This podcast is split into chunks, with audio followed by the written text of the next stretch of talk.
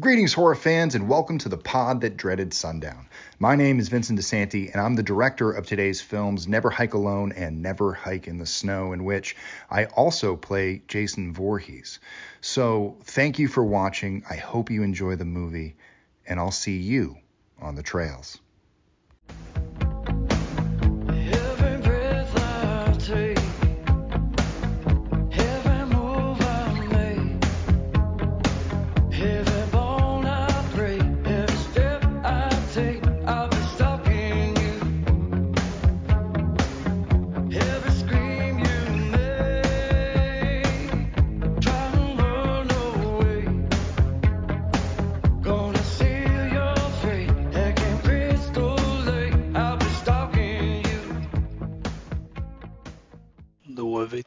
Tillbaka igen med podden som fruktade solnedgången.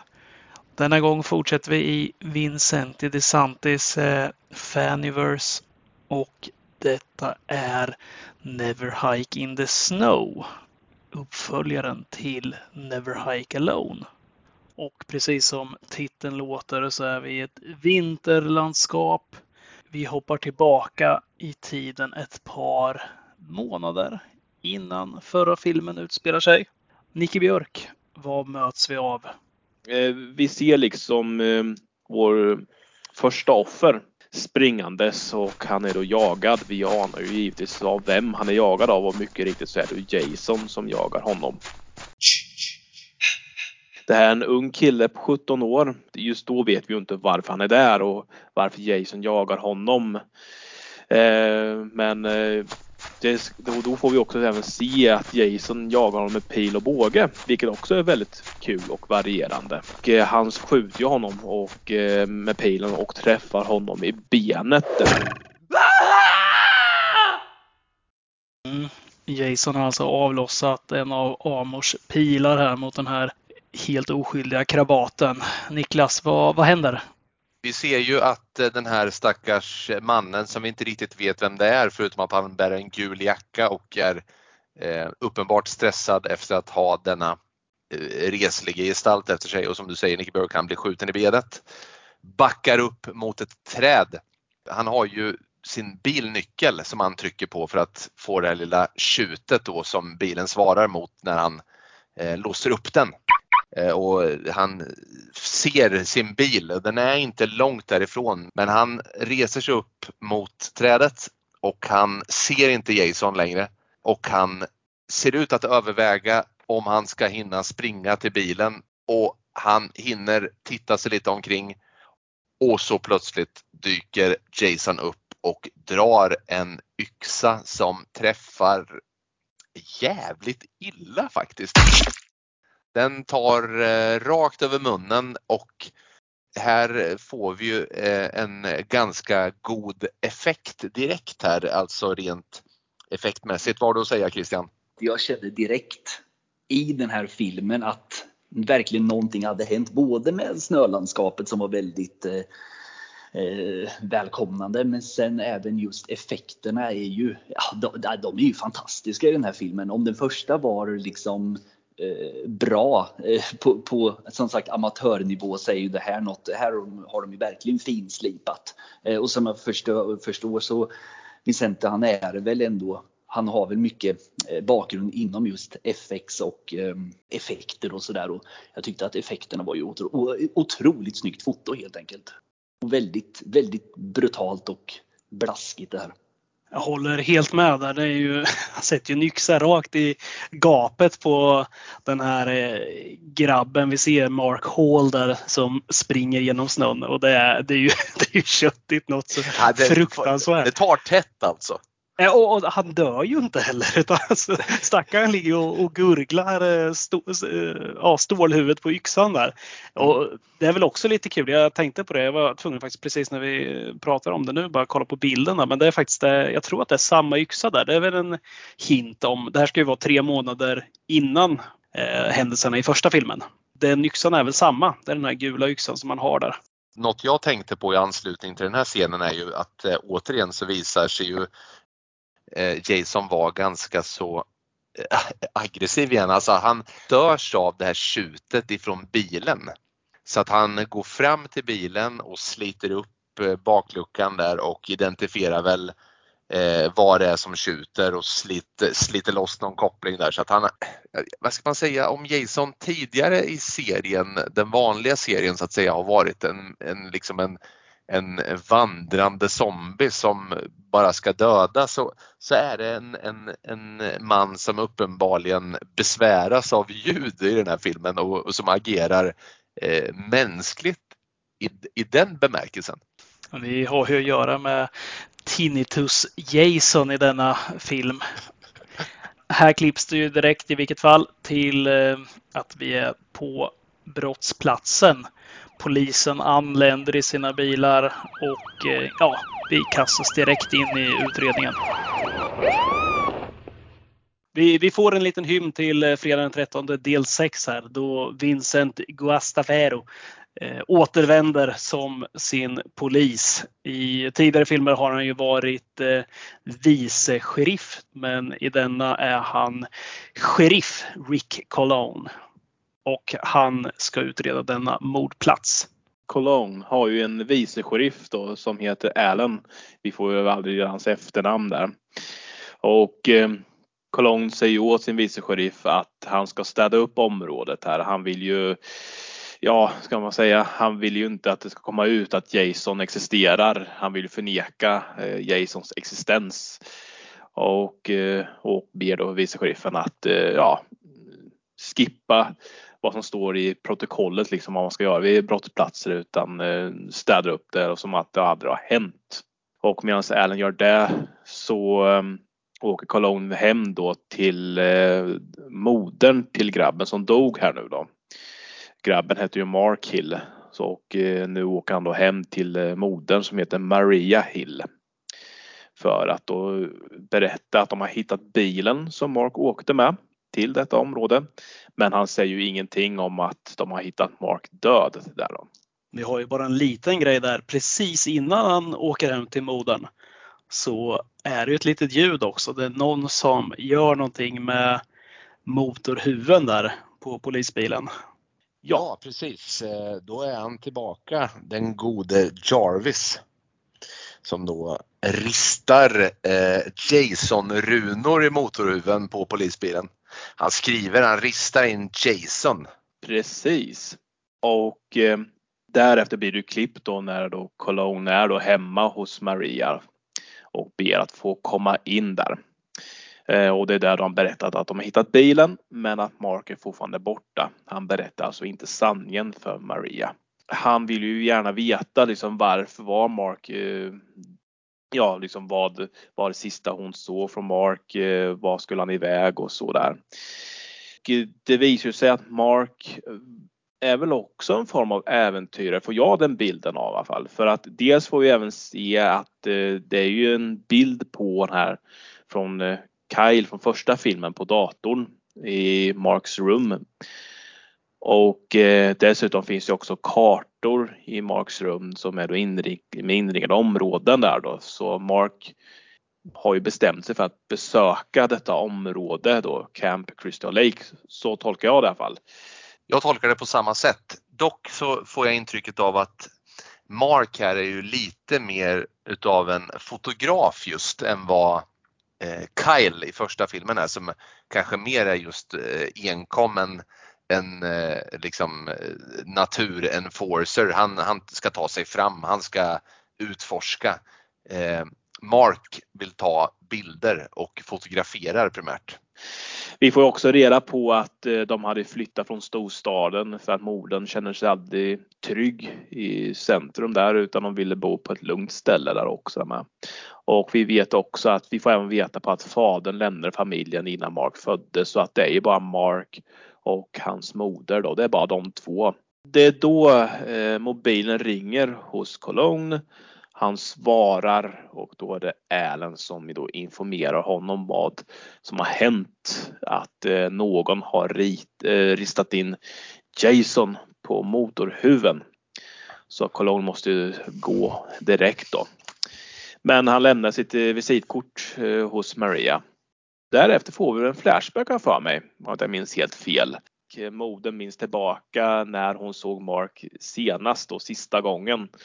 För då är Mark i köket och eh, ska precis åka iväg. Moden undrar ju då vart, eh, vart han ska och så. Men Mark vill inte berätta riktigt och så här.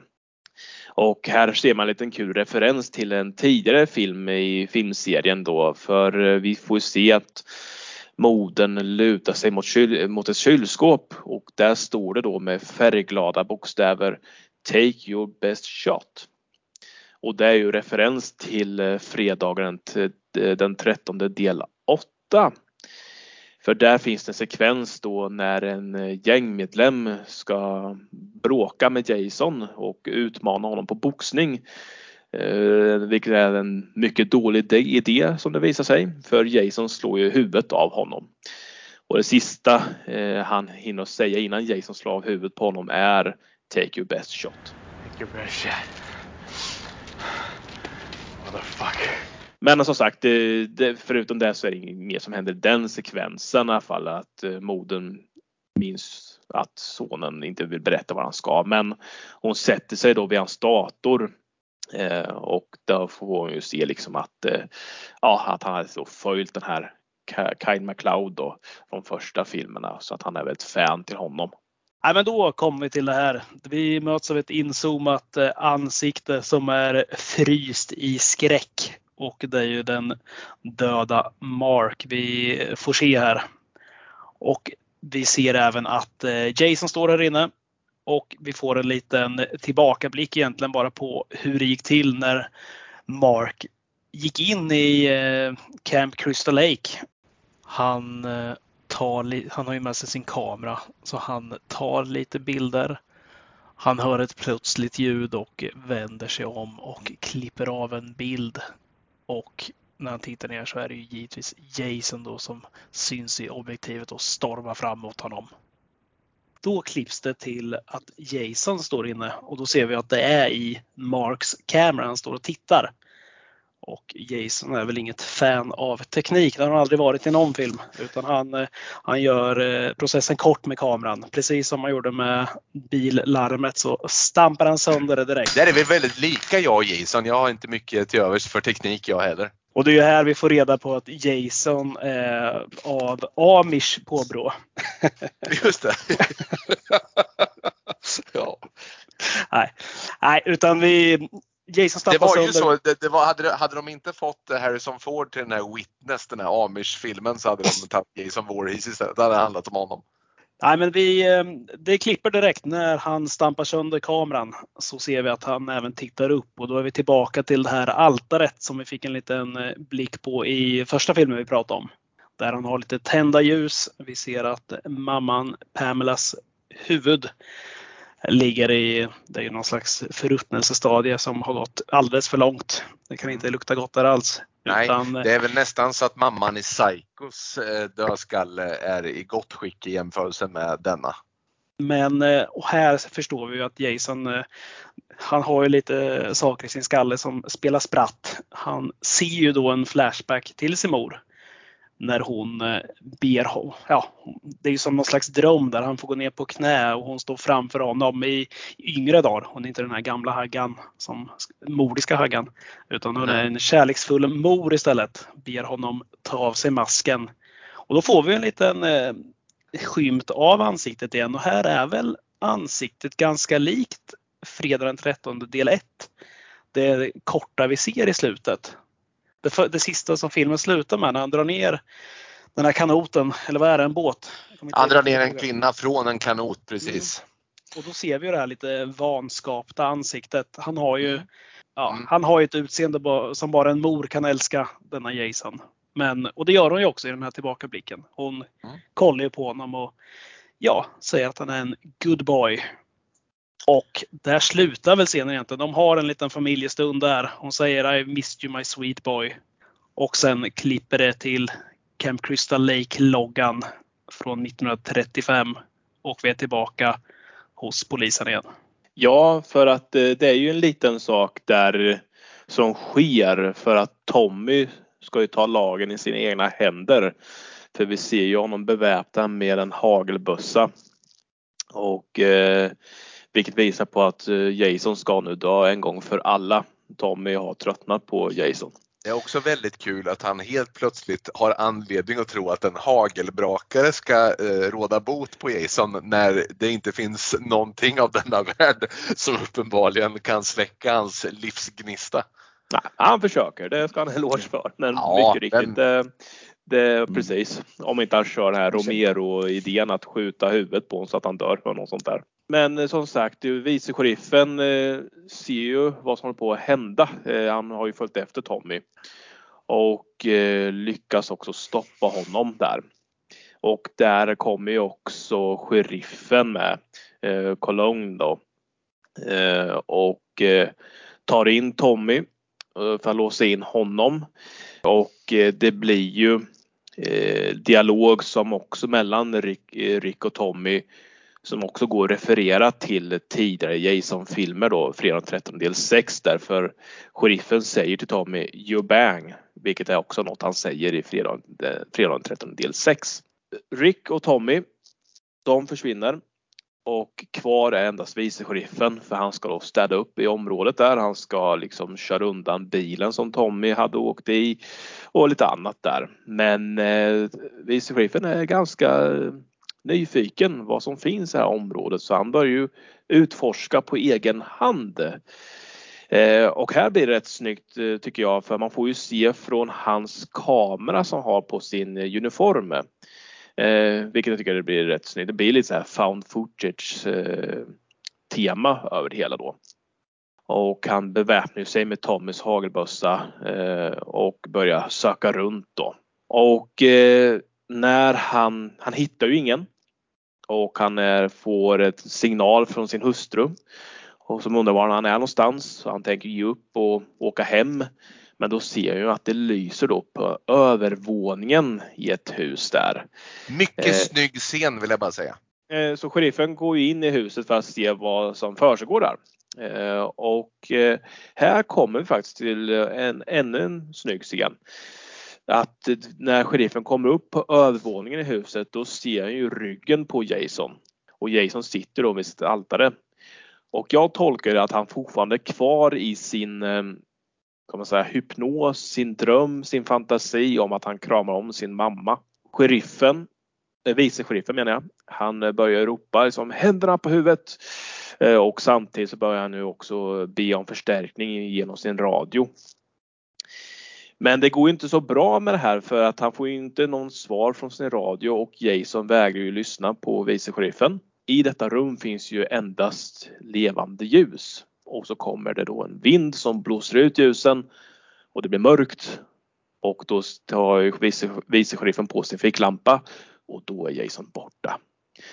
Och eh, något jag har tänkt här just är just gällande både den här filmen och tidigare film och Fredag den 13 filmserien är att Jason är ju väldigt, eh, ska man säga, han har väldigt ställ, oerhört bra ställförmåga. Han kan förflytta sig väldigt snabbt och ljudlöst. Jason är i alla fall borta. Vice blir ju nervös och undrar var han är någonstans och då anfaller Jason honom i ryggen. Han får ju tag i geväret, geväret och skjuter då vice sheriffen i huvudet så att det blir då en liten kötthög där. Och där dör vice sheriffen då, givetvis. Och Jason ser ju då att på golvet ligger då vice sheriffens kamera och spelar in det som har hänt. Jason tar då ett kraftigt kliv på, ja, stampar på kranen aggressivt. Budskapet är filmen klart och tydligt. Jason tycker inte om att se sig själv på bild. Och där slutar filmen. Det gör den. Bra eh, sammanfattat mot slutet. Jag måste säga en liten parentes eh, för de som har sett den amerikanska eh, nyinspelningen eller versionen av The Office. Är inte den här vice sheriffen ganska lik Dwight Schrute fast utan glasögon? Jo, jag tyckte faktiskt också han påminner ganska mycket om honom. Han, Ja. han har det här han, han, han vill se väldigt allvarlig ut men jag vet Ja. inte, jag, jag tycker det är lite jättebebiskänsla över när han går Ja, omkring. jag. det, Ja, det så- kan ju inte han rå för. Det, Nej, det, det kanske var lite svag casting där, att de inte kanske hade rätt skådespelare på plats. Ja, han, det är ingen skugga över honom. Jag vet bara att jag tänkte, vad fan, det är ju han. Fast sen tänkte jag att eh, nej, det, hade man haft så här lite budget så hade man nog inte satsat sina pengar på att eh, kasta Dwight Schrute i rollen som en vice sheriff i en 30 minuters film. Det tror jag inte. Eh, innan betyget så bara vill jag slänga ut frågan. Vad säger ni? Christian, bättre eller sämre än första filmen utan vidare utveckling? Eh, den här filmen tycker jag är eh, helt klart eh, bättre än första filmen. Eh, Va- som sagt va- med mm. Vad säger du Björka? Jag säger tvärtom. Jag tycker den är sämre än den första filmen. Vad säger Hoff? Ja, jag tycker också, jag instämmer, jag tycker också den är sämre. Eh, och det tycker jag också. Eh, och jag tänker att vi ganska raskt i och med att det är en ganska kort film vi har att göra med att vi, vi, vi låter oss få motivera lite grann och ge ett betyg i enlighet med vårt upplägg. Christian, vad har du att säga om den här och vilket betyg får den? Mm. Eh, jag, jag eh, verkar ju som att jag är den enda som är lite mer positivt ställd till den här filmen men eh, delvis jag gillade på något sätt mer det här rappa tempot i den här filmen baserat på den lite kortare speltiden. Jag tyckte väl i första filmen att den hade kanske mått bättre av att kanske klockat in på kanske 40 minuter, någonting sånt. Eh, Men den här tyckte jag, det var ett rappare tempo. Eh, Tyckte att det var eh, otroligt snygga effekter och jag gillade klippningen och hur man helt enkelt hade genomfört den på genomförandet på hela filmen helt enkelt. Som sagt otroligt snyggt gjord. Ehm, Och sa jag ju en trea till första filmen, då lägger jag till att det här är en fyra istället. Kul! Nicke Björk, vad säger du? Jag säger så här att i första filmen då byggde man upp Kyle MacLeod och man byggde också upp stämning i och med att Kyle utforskar området. Alltså det finns en mystik innan Jason går till attack mot Kyle. Här blir det att vi redan under filmens första fem minuter får vårt första mord eh, som är då stackars Mark Hill. Och det blir ju en karaktär vi aldrig lär känna heller. Och jag vet inte, alltså det, det blir liksom här en traditionell fredag den 13 film. Och eh, alltså, jag ska säga så här, jag, jag tycker fortfarande det är bra. Men om jag får välja eh, att se antingen Never Hike Alone eller se om eh, Never Hike in the Snow så är ju såklart, då säger jag Never Hike Alone. För det här känns som en standard fredag den 13. Betyget blir dock en trea, men en svagare sådan. Hoff, vad säger du? Mm. Jag eh, tycker också att den första var mästerlig gjord just för den budget den har och det driv den har. Den här filmen tycker jag har många starka scener. Jag tycker första scenen är jättebra med snön. Jag tycker det är kul att Jason tar en pilbåge. Alltså, Att Jason byter vapen tycker jag, många tycker det är tråkigt. Jag tycker det är kul att han varierar sig lite. Att han är kreativ och hittar på nya saker. Det tycker jag är bra.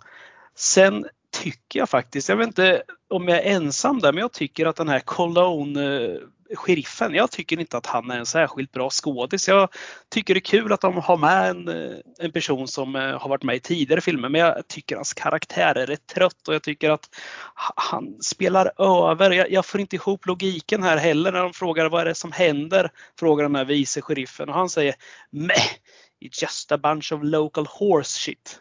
Som att han inte vet vad det skulle vara. Nu kommer jag inte ihåg fredag 13 del 6 men har han varit med en gång så bör han ju veta lite vad som händer. Ni andra kanske har något att lägga till där att han, varför han skulle göra så här. Jag tänker ju att han eh, känner till vad som händer men han förnekar det. Liksom att han inte vill ta in det. Eh, att han vägrar tro på det fast undermedvetet förstår han att Jason existerar. Eh, men det, är som, det, det är som du är inne på, för jag känner att jag tyckte inte han var dålig i sitt skådespel men jag tyckte var hans karaktär nödvändig. Eh, det, det, det blir lite mycket fanservice som att kommer ni ihåg den här karaktären? Ja, Nej, men jag tycker också det. Jag, jag tycker att han, eh, han är liksom han är ditkastad för att han hör, hör till filmserien. Han tillför inget. Hade de haft en annan istället som för, som aldrig hade hört talas om Jason, då hade jag förstått det här mycket mer. Nu tycker jag det blir så här, ja, det är det här jag inte gillar. Jag, jag gillar inte det här ologiska. Visserligen kan man inte förvänta sig eh, logiska saker i slasherfilmer. Det brukar sällan höra ihop med varandra. Men eh, nej, här tycker jag det blev lite tråkigt. Men jag gillar, jag gillar fotot, jag gillar allt sånt. Jag, jag, bara, jag får inte riktigt ihop det. Det här ska vara en eh, det är ju en prequel till den första filmen som ska väva samman hur hur, eh, vad fan heter han, Jarvis, hur han eh, kommer dit i den här ambulansen. Jag antar att nästa film kanske väver ihop det bättre. Men eh, jag tycker att det blir lite transportsträcka. Ja, jag, tre av fem. Tack för det. Eh, jag tycker att då den första filmen eh, gott och väl hade kunnat få vara längre för min del för jag tycker att den så oerhört förtjänstfullt bygger upp stämningen så tycker jag att, och jag tycker, det andra kanske har varit inne och snuddat vid det lite, men jag tycker den här är alldeles för kort för att lansera så många olika karaktärer. För, alltså, filmen, filmen är eh, dryga 30 minuter men det är ändå, det är ändå åtminstone en fyra, fem öden vi får följa här. Och sen kan jag ju sig tycka att greppet är coolt, att man har gjort det lite annorlunda. Att, att filmen börjar med ett mord och sen så får vi lära känna karaktären lite mer i efterdyningarna av det så att säga. Och det, anledningen till att vi inte får lära känna karaktären mer där, det, det är på grund av filmens alldeles för korta spel, speltid. Den får inte spela klart och, och det ligger till filmens nackdel. Sen i sig så, så vill jag bara säga att Vincente Di Santi och vad han gör med Fredag den 13 är oerhört imponerande. Jag tycker att han gör allt han kan och mer därtill med hela fenomenet Jason hela fenomenet Camp Crystal Lake, eh, blinkningarna till de tidigare filmserierna, effekterna vid morden. Jag har liksom ingenting att klaga på utan jag säger då, det blir lite tvärt vad du säger Christian, men jag, det enda jag har att klaga på är att de är lite för korta. Jag vill se mer alltså. Och jag håller den första filmen som den starkare av de två, men jag skulle ljuga för mig själv och min magkänsla och det faktum att jag är uppslukad eh, om jag inte ger betyget 4 av 5 till Never Hike in the Snow. Så att eh, min sammantaget vill jag säga att båda filmerna är oerhört sevärda. Den första är lite starkare. Men även den andra är sevärd och en halvtimme kan väl vem som helst ha till övers för att eh, undersöka den här filmen och se vad den har att erbjuda. Det tycker jag. Vad, eh, vad jag läste, eller vad jag hörde i alla fall, det är ju att trean, den här, det ska ju vara någon mer prequel tror jag. Det är, det är lite olika när man läser om det, vad de har kunnat founda och inte. Men som de beskriver i alla fall, det är ju roligt eh, att Tommy i den här, eh, han kommer ju spela karaktären Obi-Wan då. Kyle, är Luke Skywalker och sen har vi ju Diana Hill då, som är morsan till den här Mark som blir mördad. Hon är Princess Leia. Och det är ju lite roligt bara att de lägger upp det så. För att det, ja, sen vet vi kanske vem som är Darth eller den onda Emperor i den här. Det kanske inte behöver någon presentation. Just det. Intressant. Är det någon som räcker upp handen? Jag kan inte se vem. Eh, jag. Eh, Ja. Jag kan säga så också att filmen är också tillägnad till alla de som har dött i pandemin och även till sjukvårdens fina arbete. Kan väl dock känna att det är lite konstigt att ha sån fin eh, hyllning i en sån här film men Jag tror att han, eh, alltså jag, jag tänker mig att oavsett när man skapar någonting, alltså kreativt, konstnärligt, även om eh, vad det än må vara så, så tänker man nog inte i, i termer av genrer utan då eh, lanserar man sitt verk och så, så får det representera någonting oavsett vad det är för verk. Jag tycker det var fint. Det var fint att höra. det var fint. Han hade ju ingen eh, ansiktsmask Jason när han gick där och det är kanske därför att han infekterar folk med covid. Kan det också vara så att han har klarat sig väldigt bra eh, tack vare sin ansiktsmask? Han är antivaxare, skriker antivax som Jason. Vet du vem som är antivaxare? Det är den här Kolonn. Han gillar inte vaccinet och det, de hinder som det innebär för honom i vardagen att han måste ha covidpass. Det Det gillar han har inte. ju på namnet där. Cologne. Han kör ju någon slags här whiskyluktande Tom Han Ford-parfym. Åde Kolonn. Han heter Åde i förnamn. Åder. Då säger vi så här, Nicke Björk, till nästa gång som vi har en sån här fyrsittning. Vad har du valt för film då? Eh, jag har valt en eh, skräckfilm från Australien. Vi ska lämna slasher-genren bakom oss och istället titta på hajgenren. Tyvärr så är detta en genre med mycket skräp men det finns ju bra filmer där också. Jaws har ju ni, Kristoffer och Niklas har ju ni pratat om lite grann i pilotavsnittet. Men vi ska titta på en annan film som jag tycker är också otroligt bra som heter The Reef. Och eh, det är då nästa film. Det ser vi fram emot och för den som inte har sett The Reef så kan man med fördel ta en titt på den och hänga med oss i kommande avsnitt. Simma Trevlig. lugnt. Simma lugnt, trevlig kväll, farväl.